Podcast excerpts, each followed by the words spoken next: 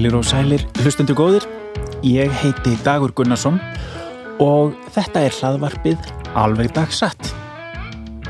Í því skiptist ég á tröllasögum, skemmtisögum og alls konar sögum af viðbörðum við, við mælendur mína. Oftar en ekki eru við smjattandi á lakrís því ég er sjúklega hrifin af honum og svo drekku við stundum Jakva kaffi því það hressir og kætir.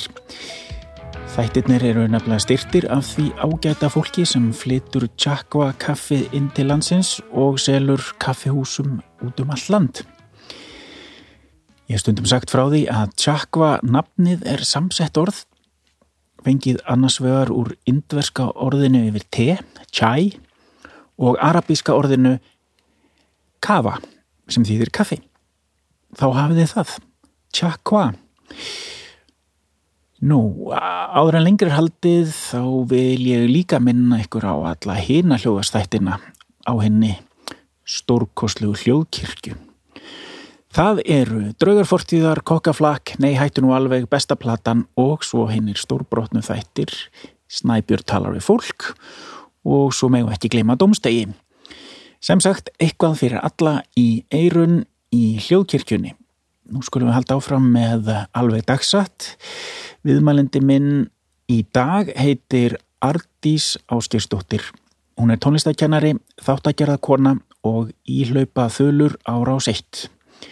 Ardís er mentuð í Fraklandi og Tjekklandi og kann vel tökina því að segja skemmtilega sögur. Við höfum starfað saman og þekkjumst vel og höfum einstaklega gaman að því að skiptast á sögum og og flissa saman og ég vona að þið kunna að meta okkar enga húmor. Um, ég hafði hugsað mér að vera voða sniðugur í þessari þáttaröð svona almennt og ég hef skrifað upp langan lista yfir þær mýmörgu hverstagssögur sem ég er alltaf að plaga fólk sem ég umgengst með. Og listan ætlaði ég síðan að bera á borð fyrir viðmælendur mína og láta þá velja sér sögu af sögu seðlinum vera með svona sögu djúkboks en reyndin hefur orðið svo að ég gleymi mér í almennu bladri og spjalli af því að það er svo skemmtilegt. Eftir hvern þátt tala ég alvarlega við sjálfa mig og minni mig á að taka upp agaðri vinnubröð en svona er þetta bara. Hvað en það? Fáum okkur smá lakrís látum bandi rúla botla af tjakva kaffi. Ég kemur spjallið við hana Ardísi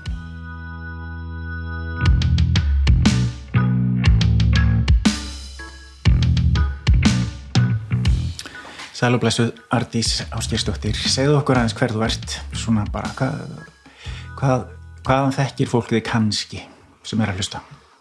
Sko um, allir það þekki mikið best úr útvarpinu ára ás eitt en um, ég byrjaði að vinna þar.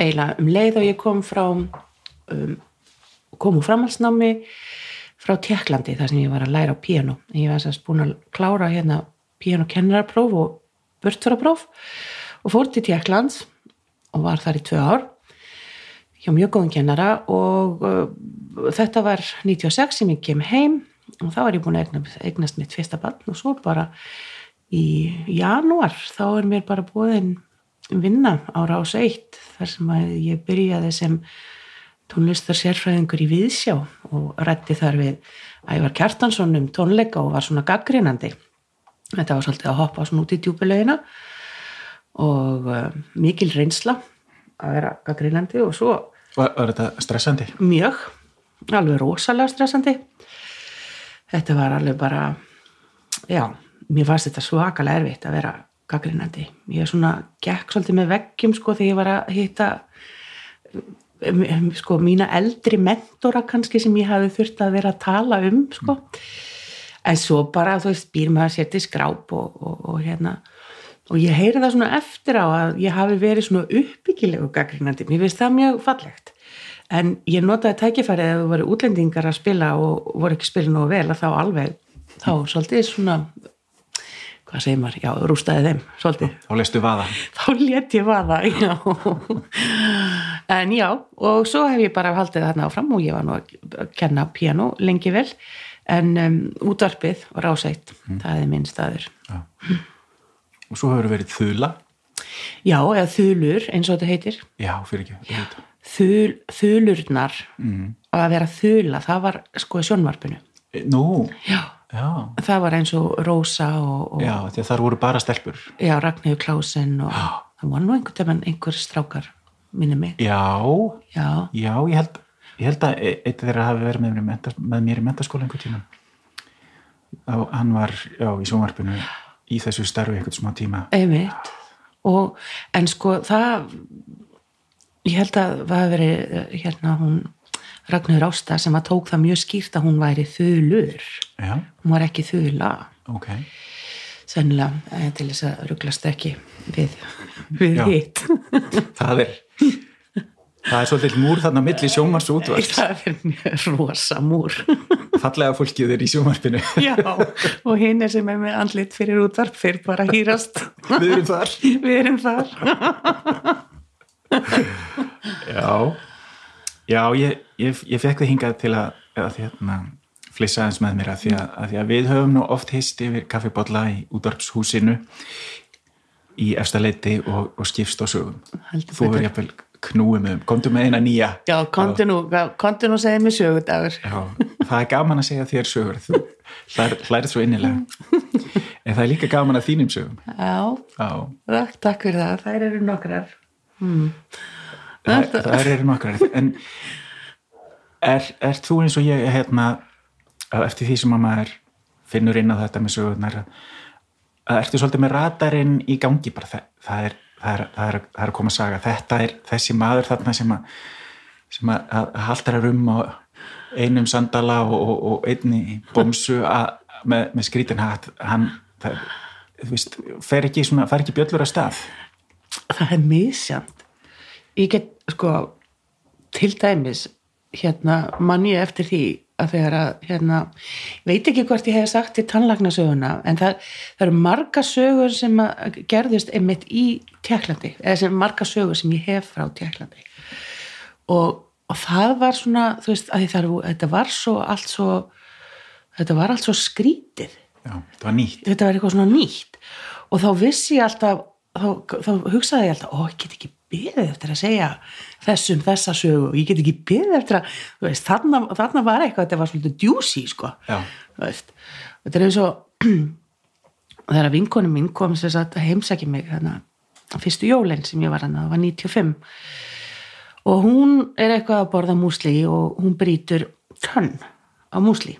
Og þetta er um jólaháttíðinar tengdamóðu mín, ég var þá komin í samband eh, og mér þótti eiginlega vætna um tengdamóðu mína því hún var alveg sko geislavirka því að hjálpsemi sko, hún, hún rettaði öllu.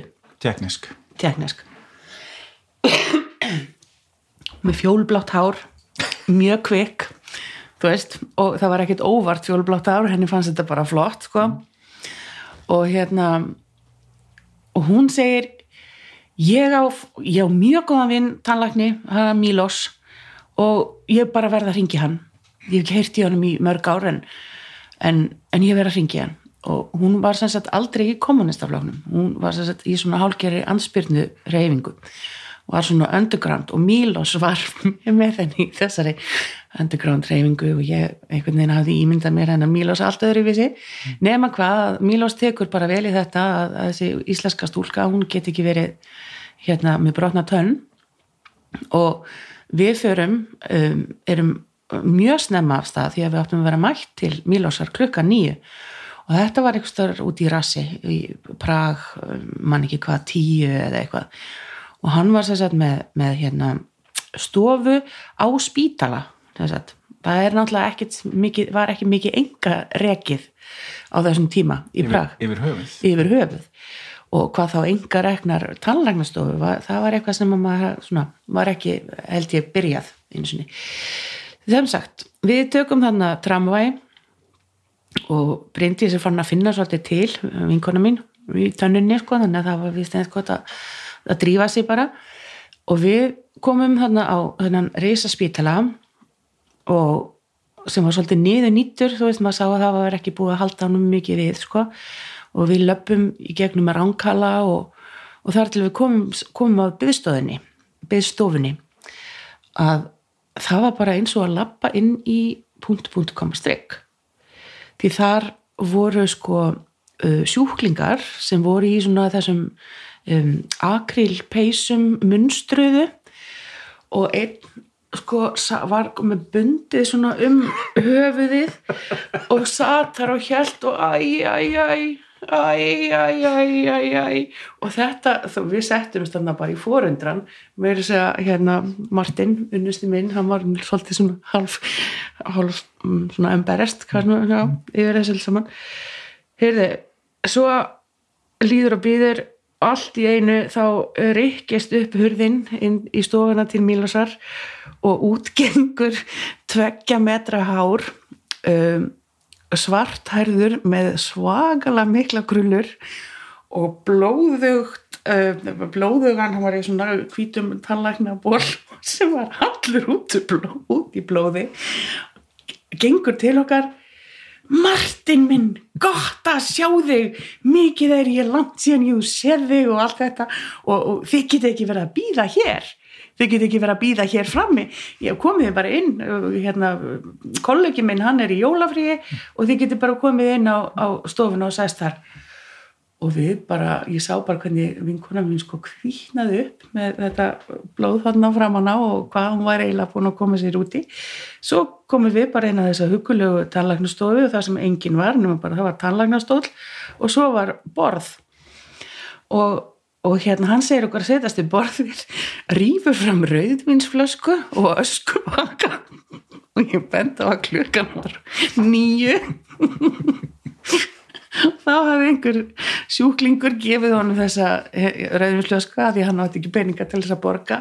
Og hann opnar þetta hellir í þrjá bolla og segir hvern, og býðið þessu bara og reykið þið bara og ég veit náttúrulega, ég hef munir að við höfum öll reykt á þessum tíma þannig að við sátum hann að reyktum og drukum rauðvin en ég held nú að vingon mín hef ekki verið mikið í rauðvin en ég sá bara um það þannig að klukka nýju og svo er lagsist komið að henni og þá heyri ég bara að sko Mílós tala ekki mikla ensku en Martin maðurinn minn hann var í það þýða og ég heyri svona, svona, svona hálf veimil títulegt Martin, ertu fyrst sem hann sé að gera mig rétt að tönn? Og svo kom það náttúrulega, svo var þetta bara búið. Og ég var hann svolítið svona hífið þannig klukkan tíu um morgunin og fannst eiginlega bara lífið dásamlegt og allt í lagi en, en Bryndís uh, hérna þurfti að fara, hún bjóð þá í Fraklandi hún þurfti að fara og láta gera við tönnin aftur því þetta var alls ekki rétt að tönnin. Í alvöru? já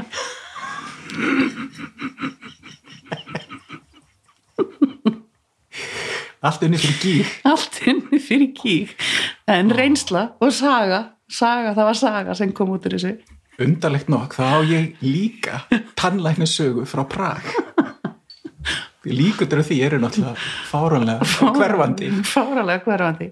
Af því að ég, ég þekkti þig ekkert á, uh, þegar ég fór til Prag held minni mig ég fór til Prag það hefði verið tíu árun setna mm.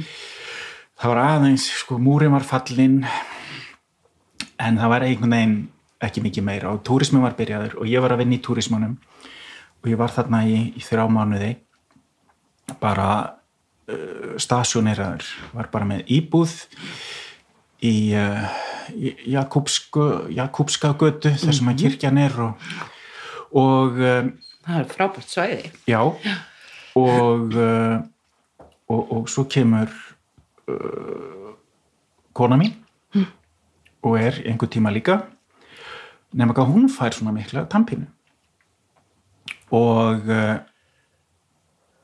og um nóttina þá bara klukkan þrjú nótt þá bara vekur hún mig og segir ég get ekki meira. Og hún er sko nagli og, og, kallar ekki allt ömmu sína í, sásauka og hún sagði ég, við þurfum að finna tannlækni. Ég sko náttúrulega kann ekki teknísku en uh, ég ringdi bara á leigubíl og sagði við hann bara tannlækni, bara svo bara, bara bent og bara og og var þetta bara um miðanótt miðjanótt. Bara þannig klukkan kannski orðin fjögur þegar hann fann á stað. Og hann fer með okkur bara e, örstutt. og bara rétt hinum megin í miðbænum þar er háskóli og það er tannlækna deildin og það var bara mjög sifjaður sko, þá, ok, klukkan er kannski svona fimmleiti þegar, þegar þetta gerist. Mm. þeir eru búin að finna út öll og komin að svæði og það er eiginlega engin á svæðinu en það, og náttúrulega engin á ferli þannig í borginni. En það er mjög sifjaður húsverður, ætlan sé ekki bara með íbúð þarna eitthvað, hann kemur og hann skilur náttúrulega varla hvað við erum að segja. Ég held að leigubilstjórn hafa eitthvað aðeins hjálpað. Þannig að hann fer með okkur upp á þriðjuhæð í tómum mjög gömlum háskóla. Ég menna þetta er einn af eldstu háskólum í Evrópu, bara í heiminum. Og, og þar skilst okkur við um að býða á bekk á mjög berangurslegum þetta var bara eins og klaustur sko. Og spám saman fer að koma fólk eins og þú lýsir, sko, þetta ég man nú ekki eftir neinu sem er með bundið upp eins og í gög og gokki en það kemur hann að fólk og sest og býður hann og við býðum í sko, klukkunar orðin rúmlega sex og, og kona mín er sá, sárþjökuð af dampinu og uh, þá kemur einhver sem talar við okkur og segir bara moment, moment. Og það var tölu sko þíska og franska og allt sem að hægt var til að reyna að koma einhverju til skila og síðan þegar klukkan er svona um sjö þá kemur alveg þeirra auktið þindarlegni mjög lágvaksin í kvítusló að sko eh, ég, ég, er, ég er akkurat meðalmaður á hæð sko. Og þessi, hann var, langt, hann var, hann var sko, ekki alveg dvergur en hann var sko, hann hefur verið svona 1.58 skulle við segja, 1.59 og svolítið svona grimmilegur sko og snöggkliftur, ég gleymi svo aldrei, ég sé hann alveg fyrir mér. Og hann var sko ég veit þetta var snemmaði morgun en hann var eins og dregin öfugur í gegnum runna. Hann svona og hann var alltaf skrámaður. Hann var eins og hann hefði lengt í slag við freskött það var bara svona með, sko, ég fannst eins og hann væri að koma beint af kráni og þar hefði hann lengt sko í, í, í svona einhverju stimpingum við, við einhverja good old boys sko sem hefði gefað hann um 1-2 lúðurinn og hann gefið vel tilbaka og hann kom bara svona töffæri bara svona ha? yes, you have problem teeth hm? og við mig og ég var bara svona ha, ha, búin að alveg árið niðursóðin hérna, bara ekki búin að sofa neitt og alveg búin að yes, ég hef problem og stæri beint í önum mér hann sko, hann lítur ekki hvern fólk við lits mm. greinilega sem satt hann til hliðar við mig hvorki teknast nýja íslensku konuna. Og hann bara veður upp í mig og bara spennir spennir upp á mér gínu og bara já, já, já, já, problem. Og ég alveg bara, ekki ég. Bara og hann heldur mér bara eins og, eins og sko, þú kannski séð þegar það verið að raspa hérna gatta á, á, rossum sko, hann bara heldur mér bara já ég sé, ég sé, ég sé valdamlega þetta er ræðilegt og ég bara það er hún hún, lítur nú konu minna skoðar hann eitthvað og hérna segir, já komdu inn. Og við erum dreyin inn í svona stofu sem er svona, þetta er svona eins og ég veit ekki, ef þú settir eitt tannlæknastól inn í, inn í stofu í MR sko, þetta er svona það er allt gamalt, það er allt sko kvítkalkað einhvern veginn á skúrað og svo er svona eh, viðarpanel einhver. Og þarna er eitt stól sem er eins og eitthvað úr Frankenstein mynd sko, það eru svona það er svona kringlóttir púðar fyrir höfuðið, þú veist. Og stólinn, hann hann er alveg fastur sko, honum er aldrei að halla neitt til eða frá, veist. Og, og, og sjúklingurinn bara situr nánast sko eins og í, í skrifstofustól. Eins og Artun Vó stóð lengur sko já, já, það var þessi kringlóttu hausbúðar sem, sem koma sitt hverju megin og styðja svona við eins og eitthvað úr, hérna gaugsreirinu eins og þú sért að fara að fá raflost í gegnum þetta sko. Ekki, þægindi voru ekki það sem kom efst í huga. Og við hliðin á þessu er svona eins og risastór armur á gamaldags luxur svona hérna skrifstofu lampa þú veist, svona gorma sístem sem heldur. Nema hvað það er svona gormar sem fara greinlega í ring sem eru tengdir við sko stóran rafmótur niður í gólfinu sem er svona eitthvað svona yðnaðar hérna stærð sko mm. bara, og þetta knýr borin sko sem er bara frá 1870 og við horfum á þetta og það var bara, ég sá Gunn, kona mín, hún bara fölnaði upp og við sá þetta. Og hann skoðaði eitthvað upp í hana og saði svo að við ættum að fara upp á, á næstu hæð fyrir ofan. Því að þar væri sko röntgen bildin mm. Þú tekur ekki röntgenmyndina í stólnum eins og, Nei, eins og nei. nei, þannig að við sátum þarna við hliðin á manni sem greinlega var handlegsbrotin það var bara sama hérna, röntgentæki fyrir alla. Og, og fleiri, fleira fólk var hérna færð að býða eftir röntgenmyndum. Og hún hverfur inn og það er tekin röntgenmynd og af túlanum á henni. Og svo kemur hún aftur út og ég sitt bara fram á býð og svo er einhver annar sem fyrir inn og svo er greinlega verið að framkalla röntgenmyndina. Og svo kemur, ég glemði þessu heldur aldrei kemur svona svona vörpuleg kúluvarpara típa svona hjúkurukona með kappa í, í, í hvítum stutterma slopp hún heldur á tveimur pínu litlum, þetta er sem svo frímerkja stærð þessi hérna röngenmyndir í, fyrir tennur. Hún heldur á tveimur sem eru svona blöytar og hún hristir þær svona og svo lítur hún svona yfir, yfir salin eða svona yfir bekkin og svo hérna lítur hún fyrst á vinstri og svo á hægri og svo, og svo sér hún hæ? og réttir, réttir ein, eina mynd, hún heldur bara á einni svona mynd af einni penn og svo hæ? og réttir einhverjum manni sem situr við hliðin á okkur. Hina myndina og við bara, bara, bara vona að þetta sé rétt mynd sko. En það var einhvern veginn ekkert sístim á því. Og svo förum við og svo er bara borað á fullu og, og, og, og, og konan er sko rótarfyllt af prófessor, þetta var tannlækna háskólin Ok. og það var einhver nefandi sem var svona að fylgjast með og fekk að taka í borin og eitthvað svona. Og, og svo er bara uh, uh, hérna linar þessi maður þjáningar eiginkona minnar og segir já nú eða að fara upp á upp á fimmtuhæð og tala við hérna gjaldkeran saðan og glotti. Og við bara ó nei, það er sko tjaldviði fallið, kommunismin er ekki lengur við líði, þetta mun kosta okkur íbúðarverð eins og venjulega þegar maður fer til tannlæknis einhver staðar. Og þar var önnur kona með kappa og hún var með svona græðlinga á skrifstofunni hjá sér, það voru svona jógurt pottar með svona litlum einhverjum plöntum sem að vonandi yrðu plöntur einhver tíma, það voru sko í hundraðatali, út um allt voru jógurt hérna plöntur og staplar af pappýrum engin tölva náttúrulega. Og það leiðnast við yfir konuna þegar hún hérna og bað um vegabrefið og var að reyna að skrifa nafnið Gunnþórun Guðmundsdóttir á svona sko einhverja kvittun í þrýriti og þegar upp var staðið þá kosti þetta náttúrulega bara sko minna en bjór. Já, já, þetta kosti ekki neitt. Nei, nei. og kvittunin var ægilega falleg í, í svona, já, á smjörpapír bara. Og þetta var sagan.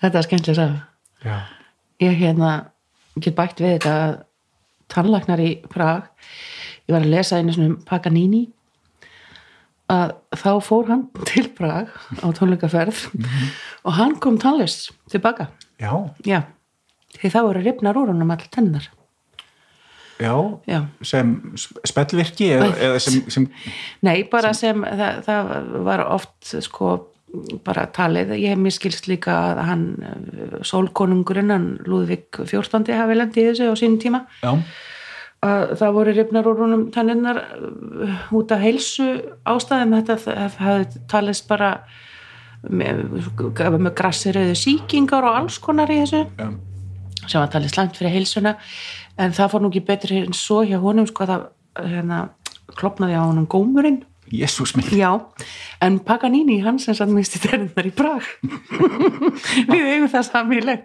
það var all skemmtilega tannlæknarsögur frá Prag á, á, á, á, á hvaða tímaskeiði er Paganini Paganini er á 19. öldinni tímann, Já. hann er þannig já, hann er á 19. öldinni 1800 og eitthvað já. 1800 eitthvað sko, amma mín og hérna, hún, hún fekk svona hérna, hún fekk falska tennur bara í 50 samanlískjöf þetta var bara í tísku. Já, þetta var bara miklu þægilegra í staðan fyrir að vera alltaf verða í tannlæknis og kveljast og fá tampínu það var bara allt rifið út. Svo færðu bara hérna falskar og það er endast miklu betur. Er miklu betur. Og svo bara hefur það í, í glasinu við, við hérna rúmið á Já. nætunar og reynsa sig sjálft og, og svo jafnlar á þessu bara svona eins og og á sköld í þér gómannir það sagði þegar, þegar ég var farastjóri og var svona eldri borgaraferðir já, já, býttu nú við penni, blokk, gómalím þetta var alltaf kallað tönnurnar tönnurnar mínar, tönnurnar? Sagði amma ég þarf að skella í mig hvað eru tönnurnar mínar? Alltaf í svona mjölkur glasi á náttborðinu. Já, ég man að afi var með þetta líka. Þetta þóttu bara og eðlilegt. svo í náttborinu voru líka gallsteinandir hans. Já, voru, og það var svona alveg rosalega precious sko. Og gæti maður farið og skoða gallsteinina afi, má ég skoða gallsteinina þína? Og þetta var það var algjör fjársjóður. Þetta er bara svona súvinýr. já, þetta var bara súfin í náttborinu já, hjá tönnunum. Mér skilst að það sé eitt sá mest í sásauki sem kallmaður getur fundið. Mm. Uh, fyrir utan, fyrir utan Basbur þá er þetta víst að mjög sásaukafullt að, að hérna, losa sig við gallsteina. gallsteina og nýrnasteina Og ný, já, Já. er munur á þessu? já, ég held að nýrnasteina séu bara sko alveg það allra vestar sko. Já, og það gerist meira hjá kallmennum heldur en Já. konum sko. já. Við erum að- bara komin að þannig aldur artís að, að við erum farin að skiptast á sjúkdómasögum. Nákvæmlega, en fyrst þú varst nú að segja með þessar hæðir Já. Þá, þá verð ég eiginlega hérna, önnur saga frá Prag. Að það er þegar mamma sendi mér hérna vetraföti mín. Það var komin sem sagt november og það var orðið svolítið svona það var orðið svolítið kallt sko. Það var samt búið að vera svona það var búið að vera svona Indian summer búið að vera dásamleg og, og fallegt haust og maður var bara að vera á, á hérna peysunni og og svo var kólaríkið svona aðeins farið að, þú veist, mm, sem að mér blandast svona haustlyktinni og, og, og hérna það er til svo fallegt um, það er falleg lítil saga sem byrjar, byrjar Horskem Vúni Úmíral og Leto sem þýðir með beiskum ilmi dó sumarið. Og þetta var akkurat bara þannig. Og, og hérna mamma var búin að senda því ég hafði farið með svo marga bækur út og það hafði ekki tekist að koma öllum öllu drasli mínu með þegar ég flutti. Hvað með það, ég fæ uh, meldingu frá pósturnu um það að mæta í Herbygg 202 á póstusið í Praga 5 og uh, Hjörlegu Valsson fyrirleikari, hann var búin að vera hann einaru á á undan, eða sérst lengur en ég og hann býðst til þess að fara með mér. Og við förum bara í metro og eitthvað. Hvort að við fórum í tram og já, komum á þetta stóra, stóra bláa, bláa pósthús. Og erum bara í rosa stuði, það var föstudagur og bara, við vorum bara í alveg hryllilega góðskapi og förum inn og býðum í röð. Í herbyggi 202 það var svolítið mikið að gera. Tók svolítið langa tíma en við vorum alveg resustu típunar hann á sæðinu og ég læti hann að hafa þetta eina blað og við tekur mikið þetta svona blaða og stimplun alveg bara stimpli, stimpli og ég fæ alveg bara blaða bunkan í fangið og, og bara farði upp 303 upp um hæð. Og ég segi þetta var nú skemmtlegt og við upp á þriði hæð og er, þetta var greinlega 202, 303 og síðan uh, þú veist, gengur þetta svoleiðis upp. Og þar var uh, beðröð aftur og ég við býðum bara svona þetta var búið að taka svona 40 mínútur og við býðum áfram og tíminn líður og loksins kemst að mér og aftur tekum við þetta. Stimplun og, og þú veist einhverjir allt aðrir miðar tilbaka og upp með, ykkur, upp með ykkur á næstu hæð í 404 ég er ekki að grínast með þetta þetta er bara, veist. Og við vorum svona farin að svona, svolítið að flissa sko. Og vorum svona að hugsa um við erum nú eiginlega komin í Kafka einhverja Kafka bók, eitthvað Kafka ævintýri svo setjast við og það var ekki byrjuð, heldur það var eitthvað svona númerakerfi. Þannig að ég var komið eitthvað númer og aldrei er kallað númerið mitt ég segi við hjóla hva, hvað er þetta? Hérna veist, það er fullt af fólki sem að komið á eftir okkur sem er búið að fá afgjörsla og ég ég fara að spyrja einhvern? Og hann segja ég veit það ekki. Og svo prófum við að banka á eina hör sem var hann og inni fyrir alveg mei, komið inn. Við komum inn og það er alveg arfa fúlkona sem að hérna tekur við blöðunum og einmitt þetta. Moment. Og hún hverfur og við hérlega stöndur svolítið eins og illa gerir hlutir. Kemur ekki sko officer í enginnispúningi einmitt í svona stutturum að blárri skýrtu og með rosa svitabletti undir uh, öndunum og hann kemur og segir nafni mitt á sínum undarlega, sín undarlega hátt reynir og, og hérna segir svo bara potpiss og, og ég ok, ég var að skrifa undir eitthvað ég skrifaði potpiss er þess að undirskrift, ég skrifa undir. Ég segi, hef ekki hugmyndu um hvað ég var að skrifa. Og, og svo líður og býður og við, okkur er vísað fram. Og þá kemur ungur maður að líka í eins enginnesbúning og hann kemur aftur og segir pappis og ég skrifa undir eitthvað annað. Og svo hverfur hann. Loksins fáum við sagt, brefin og allt saman í hendurnar. Og það sem segir að við megum fara í herbyggi 202 og ná í dótið. Og meðan við erum á leiðinu og ég veist að vá hjali, klukkan var ánum 2 þannig og þarna erum við búin að vera öruglega í sko þrjá tíma og hvað um það að við förum uh, komum nýður loksins eftir allan hana tíma og Hjölli er þá búin að lesa út úr þessum blöðum að ég eigi að borga bæði virðisauka skatt og totla af gömlu fötunum mín þarna var mér sko algjörlega nóbóðið og ég bara tek algjört æðiskast og ég segi anskotin, maður skal láta og heyra það þarna í herbygginu með 202 svo komum við að herbyggi 202 og þá kemur akkurat loka á fyrstutum klukkan 2 loka á fyrstutum þannig að ok, þannig ég var bara þú veist, ég var á bara með tögafalls þannig að hérna segi, komum hérna á restaurant Reykjavík bara. Og eins og þú mannst að þá var það af Íslandingum Þórir, Þórir Gunnarsson, Gunnarsson og, og hún Ía, konan hans. Og ég kem þarna segi færi mín er ekki sléttar en hæri hand Þóris hétt Píkós mm. sem hún leið mikið að hérna í gamla dag hérna, hann skula hætti Píkós en hann var sko betur en engin því að hann hafi verið í og fjölskylda hans held ég í sko utaríkis um, málum og, og hann þekkti alla kima og gróka í teknísku samfélagi. Mm. Og hann segir bara við mig bara no problem bara uh, relax. Hefa bér, mm. relax. Og svo segir hann mér að koma bara á mándeginum og þá hérna muni hann vera búin að rætta þessu. Ég kem á mándeginum og eftir þetta og hérna þar er Bíkos búin að sko pikka inn á tölvuna.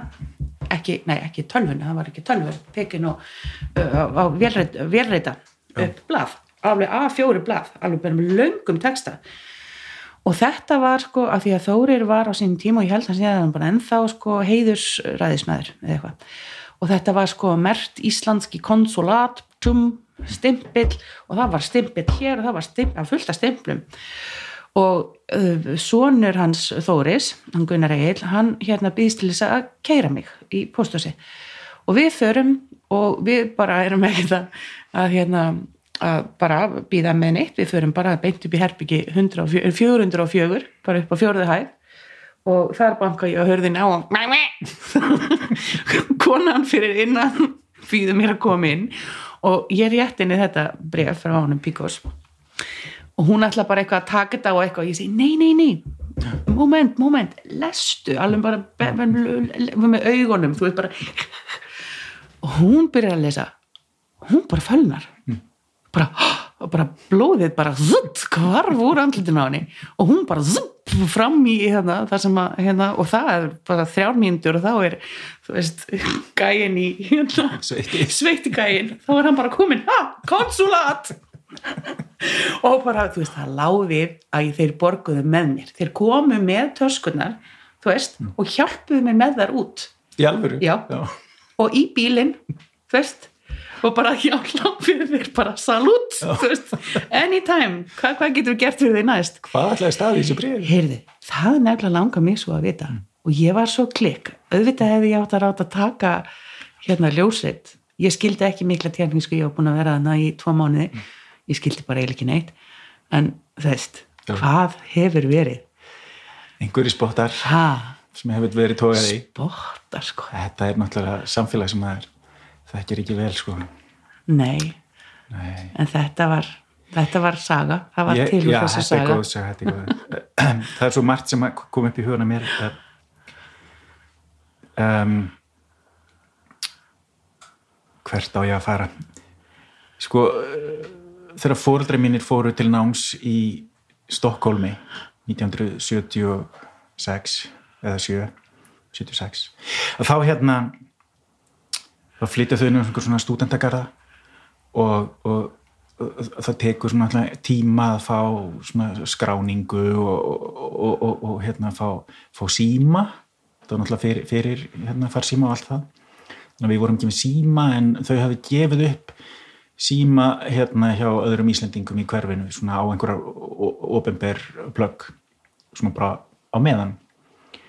Og svo er það hérna hún Gíða þarna í, sem bjóð þarna í hverfinu og Sigurður hún, hún segir við, við fóreldra mína "Eh, það er alltaf að ringi einhver kona hérna frá hinnu ofinbera og, og hérna og byggja um, um Gunnar, pappa minn. Og hún, hún, hún ringir alveg þrísvar á dag og hérna þið verða að fara að setja ykkur í samband við hennar og mamma og pappi bara, já, já, eitthvað, þetta var eitthvað svona, bara, já, hið, ofinbera eitthvað, mm. försekringskassan eitthvað, almannatryggingar eitthvað, bara, já, já, allt í lagi, allt í lagi. Og svo hérna gengur þetta svona í, í held tvær vikur og þannig að Gíða segir bara, viltu gera fyrir mig, farðu þarna niður í försekringskassan og talaðu við hana Móniku. Ég herpir ekki 202 vegna þess að ég er að verða að brjáluð á þessu. Og pappi bara, allt í lagi, hann bara tekur sér í þetta bara fer upp bílastina og, og fer niður í bæ og bankar upp á og segir já, ég er hérna Gunnar og eitthvað og þetta og þessi pappir er alltaf verið að ringi mig? Heyru, þá var málið það að það var búið að fara í gegnum umsóknir um það um skólavist og, og landvistarleifi og eitthvað svona. Og uh, erindi var semst það að, að því að pappi var að undirbúa sig undir það að sækja um skóla hann var einhver svona, já, undirbúningsteilt bara læra sænsku og eitthvað svona að hann skráði sig sem heimavinnandi húsföður og mamma fór að kenna einhver staðar í skóla. Að, að það bara þurfti að láta pappa nöðsynlega vita að ef hann fengi flensu eða hver þá ætti hann rétt á bótum. Og hann bara þurfti að vita það. Já. að guðnabænum Já. ef þú færð hitta og ert óvinnufæri á þínu einn heimili þá áttu rétt á dagpenningum og pappi bara starði á þessu konu sem bara já, þakka þið fyrir og labbaði út þetta var svo Af því mikil að hann var heimavinnandi. já, Já. þetta var svo mikil uh, svona byrokrati þarna í, í Svíþjóð Já. og svo fór Og svo ég mikið velferðarsamfélag. svo mikið velferðsefnilega að hérna, Úlof Palmi var bara sá til þess að fólk fengi sína hérna, það sem það átti skilið Þetta er nú fallegt. Já, en svo er hinn, hinn ángin á þessu var þegar ég fór sjálfur og var 20 eða 22 kannski þá fór ég þarna með uh, leikhóp til Vesterós að sína eina síningu á einhverju leiklistar hátíð mm. og vorum þarna í einhverja viku og uh, við síndum og það eru margar sögur úr því og all, alls konar uh, uppákomur en það sem tengið svona búrókrasíinni var að, að, að við, ég var sendur í ríkið Systembolaget mm. við annan mann til að kaupa bjór til að halda svona einhvert frumsýningapartið þarna á, á hostelinu sem vorum og ég kem inn í, í ríkið sem ég hef náttúrulega aldrei gert þegar ég bjóð þarna sem bad þannig lagað, ekki, ekki sem hérna kunni allavega. Og þá tekum maður miða og það, hann er númer eitthvað og, og það er líka bókstafur og svo lítur maður upp á töflu og þá sér maður og þetta var svolítið svona, þetta var þokkalega stórt sér maður nákvæmlega upp á sekundu brot hvenar röðin mun koma að þér. Já. Og það var alveg, sko, það voru alveg 20 mínútur eða eitthvað, þannig að maður gætt farið og, og, og, og gert eitthvað annað útréttað og, og alveg verið vissum að maður fengi afgreyslu klukkan 8 mínútur yfir 2 og það stóð eins og stafur og bing bong og við förum og sem ég ætla að fá hérna tókast á bjór og e, tvær rauðvín og já, takk fyrir. Og þá eins og í gamla daga, það var bara kona sem er bak við borð eða maður, í okkar tilfelli var að kona hún fer frá uh, kassanum sínum og, og nær, og af, nær í okkar pöntun og setur þetta og blip blip og við borgum þannig að þetta var ekki svona sjálfsagreislu supermarkas Nei, nei, nei. fílingur Já. og þá segi ég, já við erum í Svíþjóð, já mér hafði alltaf dreymt um að smakka sænst ekta sænst púns Hmm. það er drikkur sem ég hafði lesið um, aldrei smakkað kemur ljós að þetta er svona Er hann eggjapúns? nei, Nei, nei. þetta er svona bara eins og líkjur. Ah, bara svolítið svona aðeins sterkur líkjur skulum við segja.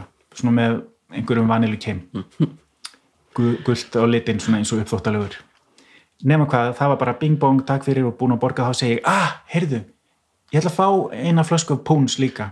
Þá, þá bara svona hún er eins og, eins og null í framann og bara orðin svona köld til augnan og segir já þá er að fara að ná í miða, ég er búin að íta á takkan ég skil íta á takkan hvað skipt það málið, já það komið að næsta manni. Og ég lítið bara maður, maður andandón í hálsmálaða mér allar að kaupa bjórin sinna því að það var sagt já, klukkan var orðin, 15 minnir yfir tvö. Og ég bara, já ég ætla bara að fá eina púns það er því miður, það var bara ekki að ræða það, getur ekki bara skoppið eftir, ég bara borgaði þú bara mjög snöggur. Bara nei, Nei. þú, þú ert, við erum búin að sinna þinni pöntun. Þú þarf bara að fara aftur í rauðinu þetta, þetta, það er engin miskur Nei. þetta er svo ómannskjölu Nei, ég veit það. Að Þetta, ég man eftir þessu líka til dæmis eins og í Prag að Martin maður minn, að hann, hann sko bað mig vinsamlegast fyrir utan sko, því það varu svo margar búðir sem var, var einmitt svona, þú veist, það var ekki maður gerði þetta ekki sjálfur maður þurfti að byggja um allt, já, já, allt. Já, og hann var, hann, ég sagði, akkur er þetta svona rættur við afgræslukonunnar þú veist, ég þegar þær fóru búin að hlaupa eftir allt og hugsa ég allt inni, að, korflex kom hann á korflex og korflexpakkin var uppi þá þurfti hann að taka sko stigan og færa hann aftur. Og Martin var alltaf bara hann, sko, hún fannst þetta svo hræðilegt því að konunnar urðu svo reyðar við hann. Ekki við mig, en það eru svo rosalega reyðar þannig að hann bað, þú veist spurði alltaf í þrígang, ertu vissum að það sé ekkert fleira sem þú vilt? Því það mátti ekki styggja þær. Nei, nei, og þetta var bara sko, þá fengir þið kannski ekki eins góða þjónustu næst. Nei, og maður bara, sko, maður bara skildi bera virðingu fyrir þessu þjónustufólki Já. þú veist, það annað, annað var bara óvirðing sko, fyrir þjónustufólkinu. Svo var líka þetta kerfi hérna mann ég eftir á ferðum mínum um Ísland, Lettland og Litáin sko í kommunismannum ég fór inn í svona stó, stór vöruhús sko á mörgum hæðum svona department store eins og er ekki til hér einhvern veginn Eh, þá sko já ég ætla að fá þetta bendi maður og þá fer konan upp í stigan og nær í ég man ég kefti, kefti flass á myndavill til dæmis.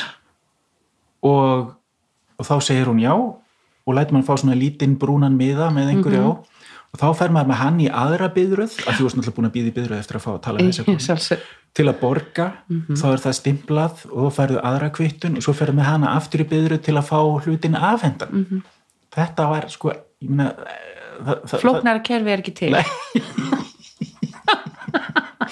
Ég man, í Búlgari þá vorum við bara svona túristast og þá fórum við að skoða einhvern svona eins og maður gerir einhvern svona uh, höll og, og, og hallargarð Mm.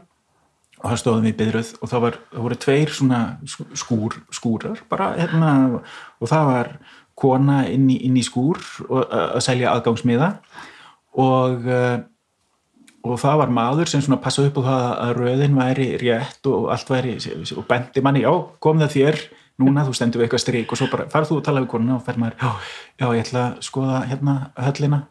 Já, nei, það er næst í skúru hliðina. Ég er bara að selja miðin í hallargarðin já, ok, þá fer maður í aðra byður svo er ég að kaupi mið, mið aðgöngum miða fyrir okkur inn í höllina. Og förum við að hliðinu til að láta rífa miðanum. Þá segir, "Nú, þú ert ekki með miða fyrir hallargarðin nei, ég ætla bara að skoða höllina.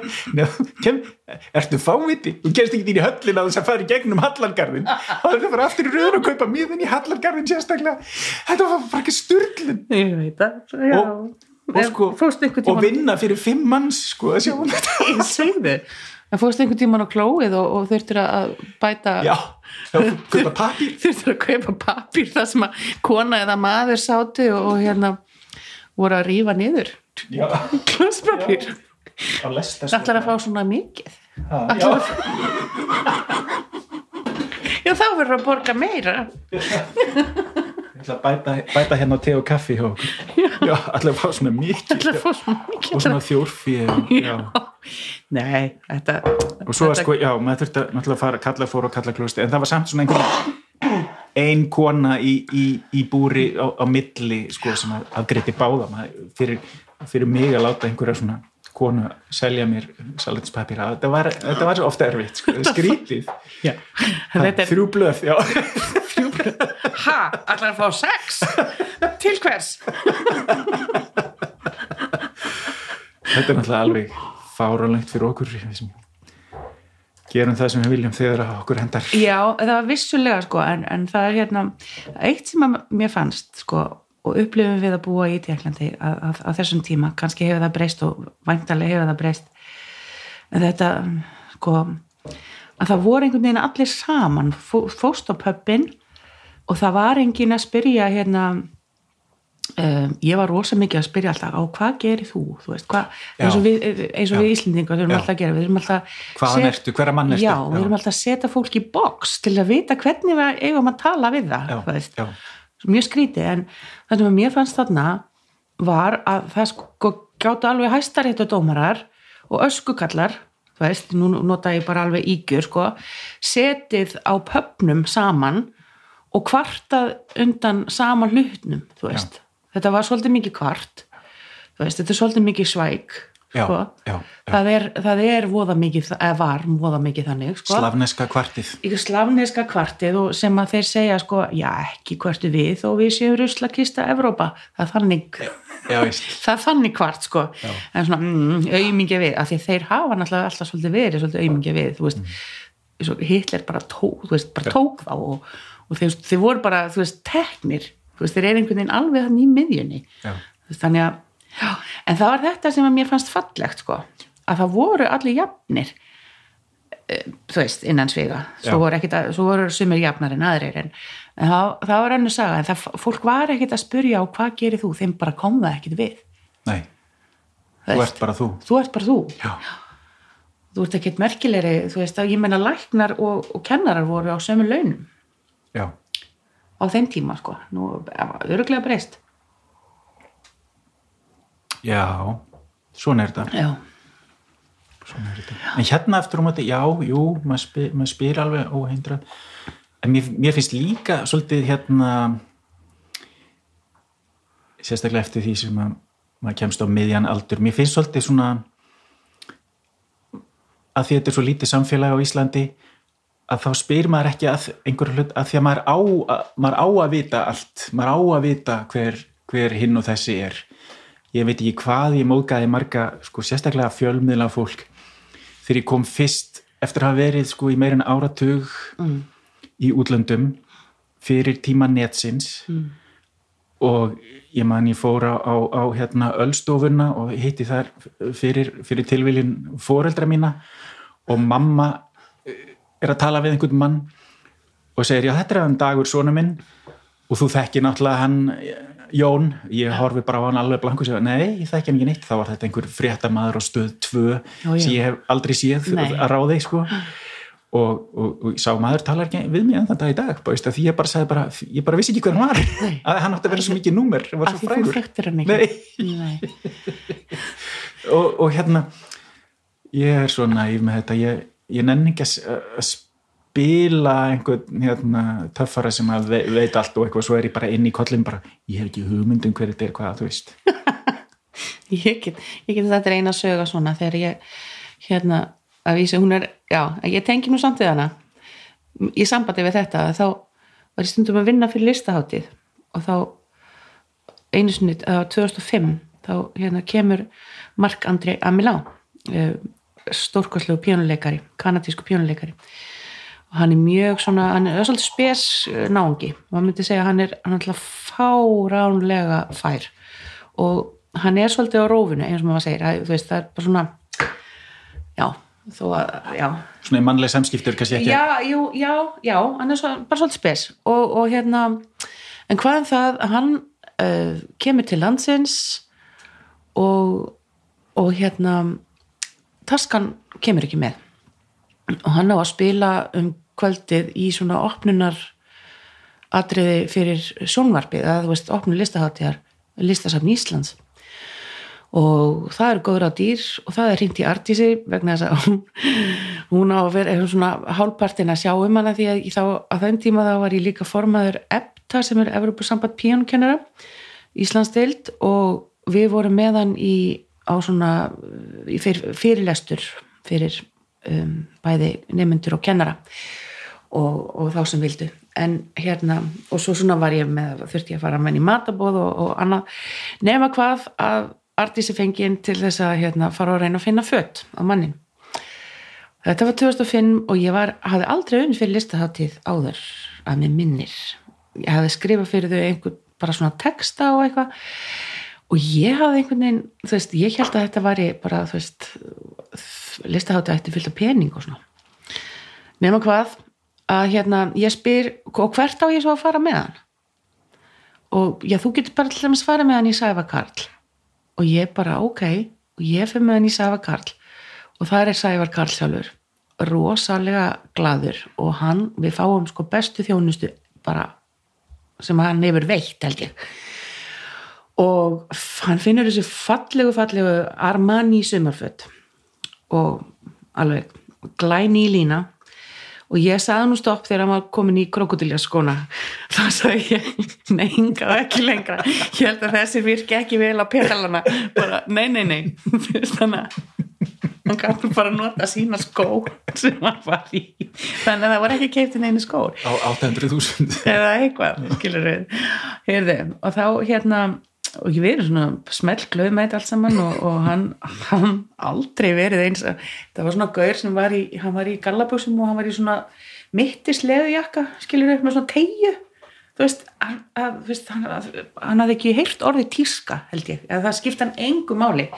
Nema hvað, hann kemur fram í þessu þættu hann er svona smeltvít svo bara daginn eftir, þá ringdi mér frá listahátti það bara, Ardís þetta var svona svo Emil þú veist bara, hvað ertu búin að gera? Og ég alveg, ha?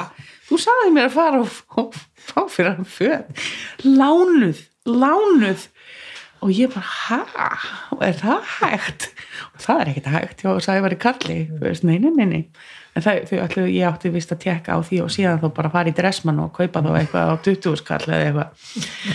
Ekki á, held ég þetta hafi verið, þú veist, þetta var háttunböttir hálf miljón á þessum tíma, 2005 þannig að erfiðasta samtal mitt sem ég hef bara átt var uh, við Mark Andri Amila á leiðinni í Matabóð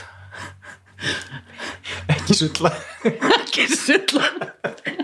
Nei, það var uh, About the Suit.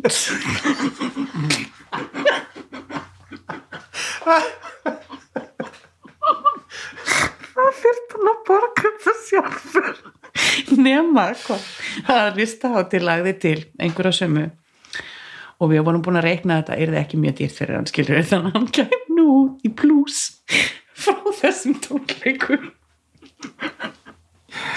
Ég hef viljað vera að fluga nei, nei. about the shoot Heyrði, en svo var þetta nú bara allt gaman og, og hérna hvernig, hvernig tók hann þessu? hann tók þessu alveg eins og þvílíku gentleman. En sko hann hefur fengið þetta á náttúrulega þvílíkum díl pluss það fekk hann sko virðisaukaskattin af og, og listahátti borgaði með og svo hvort að, hérna þeir höfðu dílað við Sæfa Karl með einhvern afsláð þá fekk hann þetta náttúrulega bara mjög, mjög, mjög ódýrt. Og þannig að Arman í fött á þessu verði hann hefur getur bara þakka mig fyrir. En nema hvað, síðan er hann eigði með honum svona tveim þrjum dögum eftir þetta því hann átti eftir að spila hann hér tvennatónleika sem voru stórkosleir í fínu fötunum. Og hérna og svo kerði hann út á flugvöld og, og hann bara þakkaði mér kærlega fyrir allt og bara what am I gonna do? No more artists og ég hef sagt bara "Ó, ég veit ekki.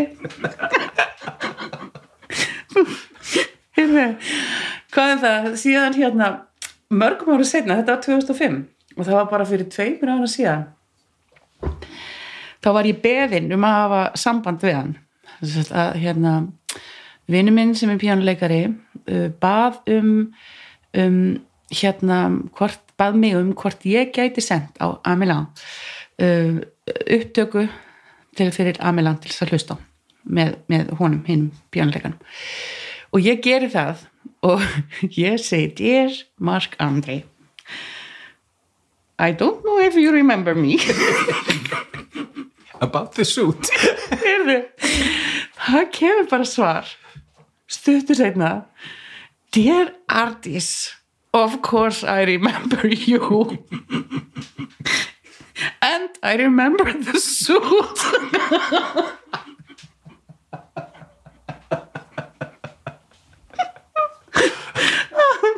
Þannig að já, þetta var nú sagan af jakkafjötunum og Mark. Andri Amilán Dásamlegt. Ég, ég ætla að að því að þegar ég ringdi þig þá kannaðist ekki við eina sögu sem ég ætla að panta hjá þér sem ég hef heyrt. Og ég ætla að byrja á þessari sögu hún er ekki löng. Og þú, þetta er þí- þín saga sem var sögð af þér. Og, og ég ætla bara að bjóða þér að hoppa inn í og taka yfir hven, hvenar sem að, að, að, hérna, það, það kviknar á byrjunni hjá þér. En hún er frá, frá Tjekklandi og uh, mér, mér skilst að þú hafi verið hjá, hjá hérna, tengda fóröldrum þínum. Tengda mömmu. Tengda mömmu. Og uh, var ekki tengda pappi þá? Nei. það voru bræður eða, þeir, þeir voru, það var bara sagt, bræðinni tveir. Já, maðurinn minn og bróðir hans og svo tengdamamma já, ok. Með fjölblá hárið. Já, þannig að þetta hefur þá verið uh, þetta hefur verið bræðurnir og, og hérna þau heyra eitthvað þrösk niður í kjallara. Og uh, ég veit ekki hvort að uh, hvernig, hvort þau voru í sko út í sveit í, í einhverjum bústað eða, Nei, eða þetta- hvort þetta var eða bjóð tengdamammaðin í blokkaríbúð sko allavega, ég sé þetta fyrir mér í húsi og það heyrist bara brotljóð og umgangur og rattir neðan og kjallara sem áttu alls ekki að vera. Það er verið að brjótast inn og bræðurnir taka bara hérna skiptileikil og, og, og, og hamar og, og fara niður til að hérna, rannsaka málið. Og þú varst að segja vinkonuðinum frá þessu. Og, ég ætla bara að minna hlustundur á að þú varst þarna í tónlistarnámi. Er, er farið að kvikna á perunni? og og þeir, nef, nefnum hvað að, að, þeir koma niður. Og þá þá sem sagt, já ég held að þetta bara að klára þetta. Þarna eru þá tve, allavega tveir innbrotstjóðar sem eru eitthvað sko að, að, að stúsa í, í, í innbroti. Nema hvað að þetta var bara hræðilegt vegna þess að þeir, þeir voru sko hvort, þeir voru, hvort það sáast einhver vopn eða þeir voru með kilfur og svo voru þeir með balalækur. Sem er náttúrulega ekki orðið sem þú ætlaðir að nota. Nei. þú ætlaðir að segja balaklafa sem eru grímuklættir þetta voru alvöru hættulegir bóvar þeir með, með ballalækur. Með balalækur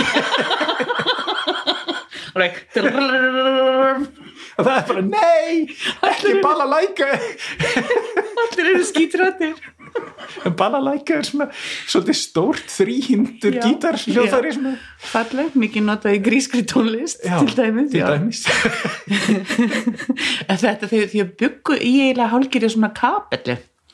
Þetta var svona, já, það var, það var svona samkomusalur uh, sem var á fyrstu hæðinni. Þannig að þetta var svona hálgir kapella og, og hérna svo voru íbúður þar fyrir ofan sem að þau byggu og það var verið að ráðast inn í kapellina sem Ég sagt, skil. já, ég veit ekki hvort að Að leit, í leita verðmætum. Væntanlega, væntanlega. En ég heldur hafa nú ekki haft neitt upp úr krásinu. Nei. En ein, ein, einhverjar basmiðar voru þarna og þetta var uh, ekki skemmtilegt. Nei, en bara lækuna það björgu þessu Jæja, Artís mm. Sko, við þurftum ekki að grípa til listans. Nei, þar sem á að vera formatið í þessum þætti svolítið. Nei, við hefum aldrei þurft neitt að hafa neitt lista. Nei, Ha. við þurfum ekki að hjálpa tæki til að Nei, Við þurfum nú á sögum. engin, engin hjálpatæki og þær eru fleiri, ég veit það sko. Já, já, Já, já, við já. getum að, tekið upp marga svona þætti. Hvort að einhverjum finnst þetta, já, fyndið okkur, það veit ég ekki. Já, það kemur bara ljós. Já, Já, ég ætla að spyrja það einu. Ertu hrifin að lakrís? E, já, Já, já. Hver, hverjar eru lakrís neyslu venjur þínar? uh, eiginlega bara mjög litlar því að mér skilst að þetta sé ekkert ofslega gott fyrir hjarta og blóðrýstingin þannig að en, Einmitt, en, einmitt. en sko um jólin það var bara eins og að komast í paradís það er þessi nýji nóa konfektmáli Nú, hefur smakað nei, hann er bara eins og sko guðdómleg sprengja upp í mununum á manni því að hann er með svona mjúkum mjúkri salt lakrís fyllingu mm, dásamlegt. ah, Ég verð að kanna það, það verður enginn sagt mér að þessu. ertu að meina þetta? Já, það ég- komi fjóri nýji mólar og þetta er langbesti Ég er ekki rosalega konfekt eh, maður, eða svona konfekt kassa maður, en lakrís fíkill að ástríðu, sko. mm. Og ég er farin að einmitt, bara því ég veit þetta er ekki hérna, allra besta fyrir mann. Mm. En ég talaði einu svona við mann sem að rekur lakrís versmiðu á Íslandi. Og hann sagði að það eru, það eru tvær típur önnur er, er, er, er, er slæm fyrir blóðþrýsting og svona. En hérna á Íslandi er notað góða típan sko, þú getur alveg borðað slatt af lakrís á þess að hérna hálf að, að, að drepa þig, kannski ekki hálft kíló á dag, nei. Þannig ég, er- ég er svona, ég reyna að halda aftur á mér, ég Já. er yfirleitt með lakrís á mér hvena sem ég er og svo ertu líka með lakrís og rót. Já, það er tímabilið nú eiginlega svolítið fyrir bí hjá mér, sko, Já. en ég stundum hef ég verið að jafla lakrísrótina, já, í það, staðin fyrir að reykja, sko. það er vist rosalega gott fyrir brísið já, Vissir það? ég veit ekki eins og hvað breysið gerir. Brísið, það framleiðir einhver svona ensím fyrir gallið og, og brýtur niður, þú já, veist. já, Og, og þetta, hérna, þetta er vist alveg bara súper. Lakrísrót að, að, tyggja. ég skil og breysið bara í góðum málum Já, ekki, ekki, ekki spyrja mig af hverju, af hverju ég, ég lefti á þessari lesningu. Nei. En, en, nei, ég hitti mann frá Norður Afríku sem, sem að hérna ég, og, og spottaði það, sá að ég var með að tyggja lakrísrót og uh, hann horfði á mig og bara, já heima hjá mér þá var þetta notað sem tampusti já, já, tyggja lakrísrótina já. Einmitt, þetta er gamli tampustin sko. Já. já, já, þetta er uh, áhugaverður heimur. Ég hérna, veit ekki af hverju ég er svona sólgin í lakrís en það hef, all, ég hef alltaf verið það. Ég get ekki útskýrt þetta. En þetta er nú samt sko þetta er ekki, ekki ekkert að flokka þetta sem fíkn svona svona raunverulega. En þetta, þetta er náttúrulega alveg, já, það er ekki svona sem kemst nær þessu, þetta nær í svo marga, getur að vera þetta ná í svo marga hérna móttakara. móttakara. já, tung, á tungunni Já, bara, sko það er lakrís og svo er, svo er sko lakrísrótin og lakrís svona púra lakrís eins og apotekar lakrís er gerður og svo er til eitthvað sem heitir anís sem er allt annað og allt annur planta og svo framvegis en er svolítið keimlíkt. Mm. Sem er svolítið meira í ætti við kvönninu. Já, af því að ef maður, ef maður nusar af kvönn eða, eða borðar já.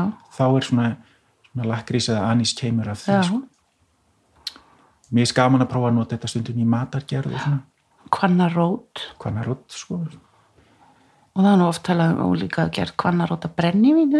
Í gamla dag, jú, ekki svo langt síðan. Ég sá einhver stær, það einhver, einhver sagði, eh, einhver eldri en ég sagðist hafa sko þegar hann var lítill þá fór hann til ömmu sinnar á Eirarbakka þá hafði hún skorið niður kvönn í bita og, og, og, og svoðið í sigur leigi mm. og látið síðan storkna. Þannig að þá varstu með svona kvannar bita sem eru sko eiginlega orðnir að brjósikur smólum Ah, þannig að heima gerðu brjósikur með kvönn já, og þetta var eitthvað sem ég hafði aldrei eftir talað um kannski þetta sé gott fyrir brísið. Hanna, góðurinn, fáðu þetta í brísið Artís Takk fyrir spjallið Takk fyrir að fá mig dagur.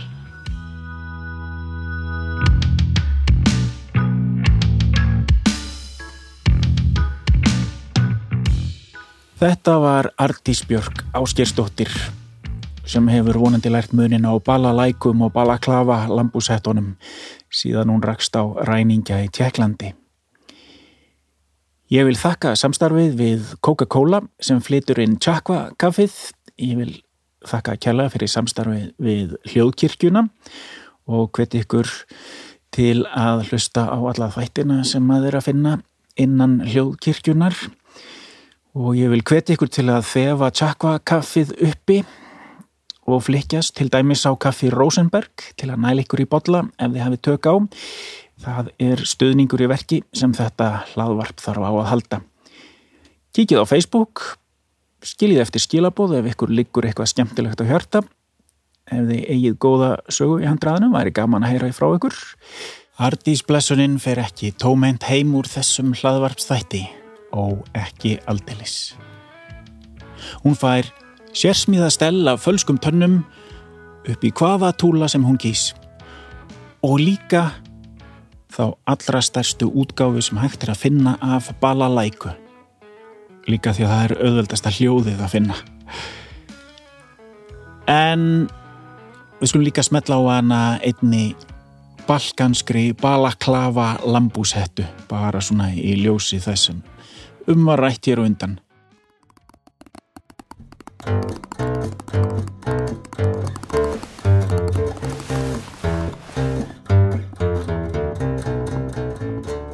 Balalæka, balaklafa og falskartennur.